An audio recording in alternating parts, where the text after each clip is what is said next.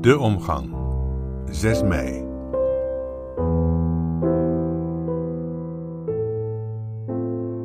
Gisteren werd bekend dat de radiomaker Morad El Ouakili zozeer met de dood is bedreigd, hij en anderen om hem heen, dat zij zich genoodzaakt zagen om het programma Ramadan Late Night te schrappen.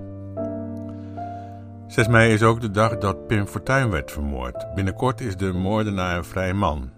Kan snel gaan, althans voor mijn gevoel. Maar dat komt omdat ik de dag dat Fortuyn vermoord werd me nog herinner alsof dat pas geleden is. Ons land en de politiek zijn er sindsdien niet beter op geworden en wat voor doel de moordenaar ook gehad mag hebben, het is niet gehaald. In de christelijke ethiek is lang getwijfeld over de vraag of je kon gehoorzamen aan het gebod dat zij niet doden. Moest je om een grote groep mensen te redden toch niet één mens die verantwoordelijk is voor de dood van velen elimineren? De zogenaamde tyrannenmoord.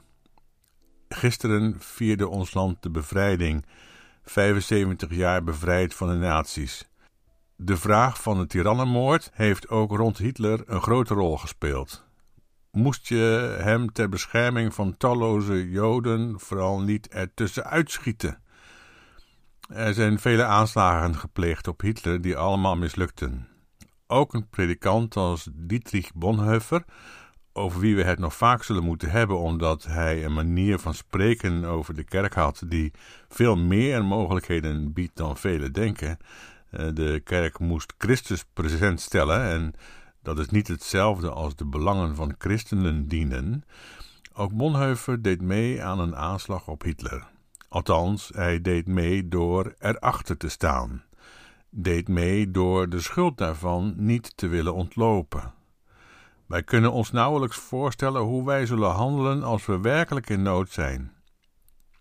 Koning Willem-Alexander noemde in zijn toespraak op de Dam dat niet handelen, maar langs de kant toekijken naar bussen, trams en treinen vol Joodse Nederlanders, allemaal verraden en afgevoerd naar de vernietigingskampen, dat dat ook mensenlevens verwoest, door niets te doen.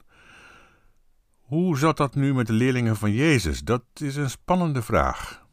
Op het moment dat er een brand uitbreekt in Rome, geeft keizer Nero de christenen daarvan de schuld. Dat is op zich niet zo bijzonder. Het bijzondere is dat iedereen dat onmiddellijk geloofde.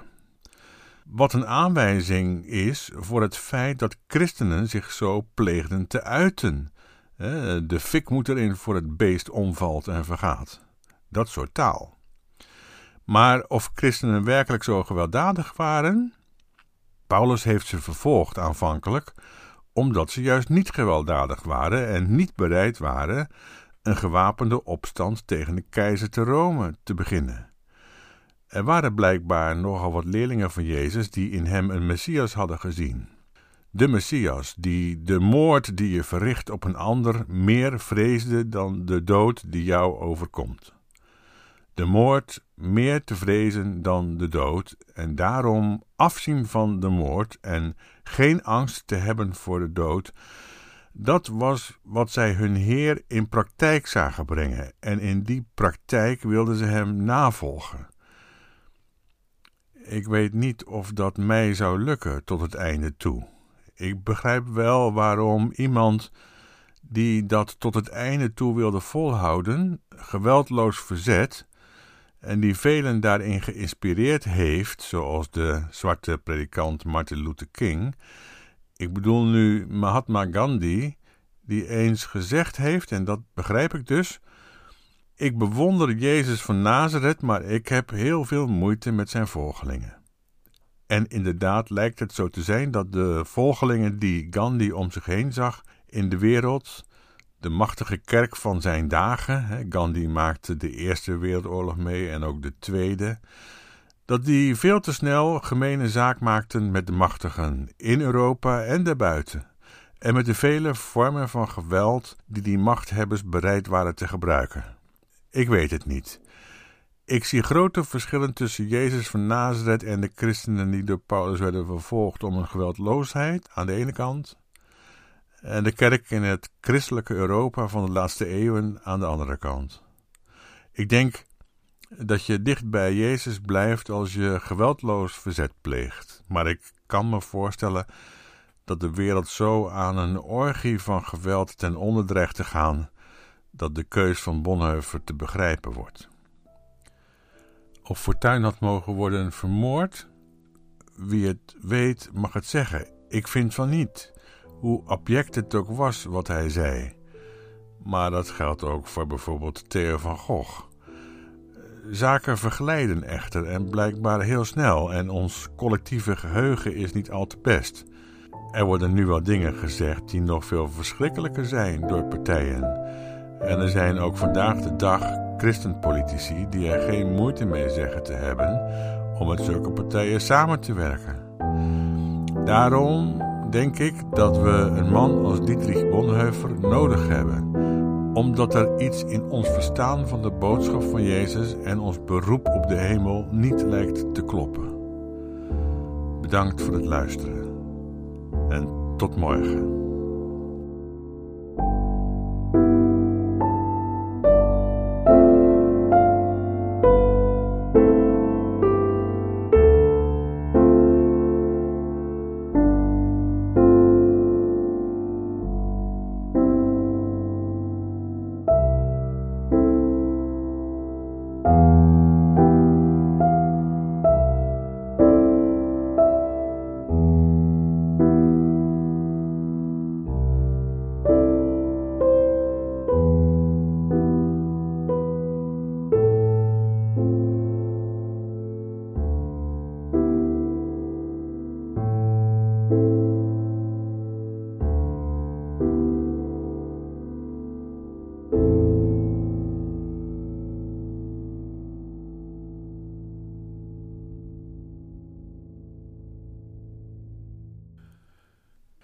Gisteren werd bekend dat de radiomaker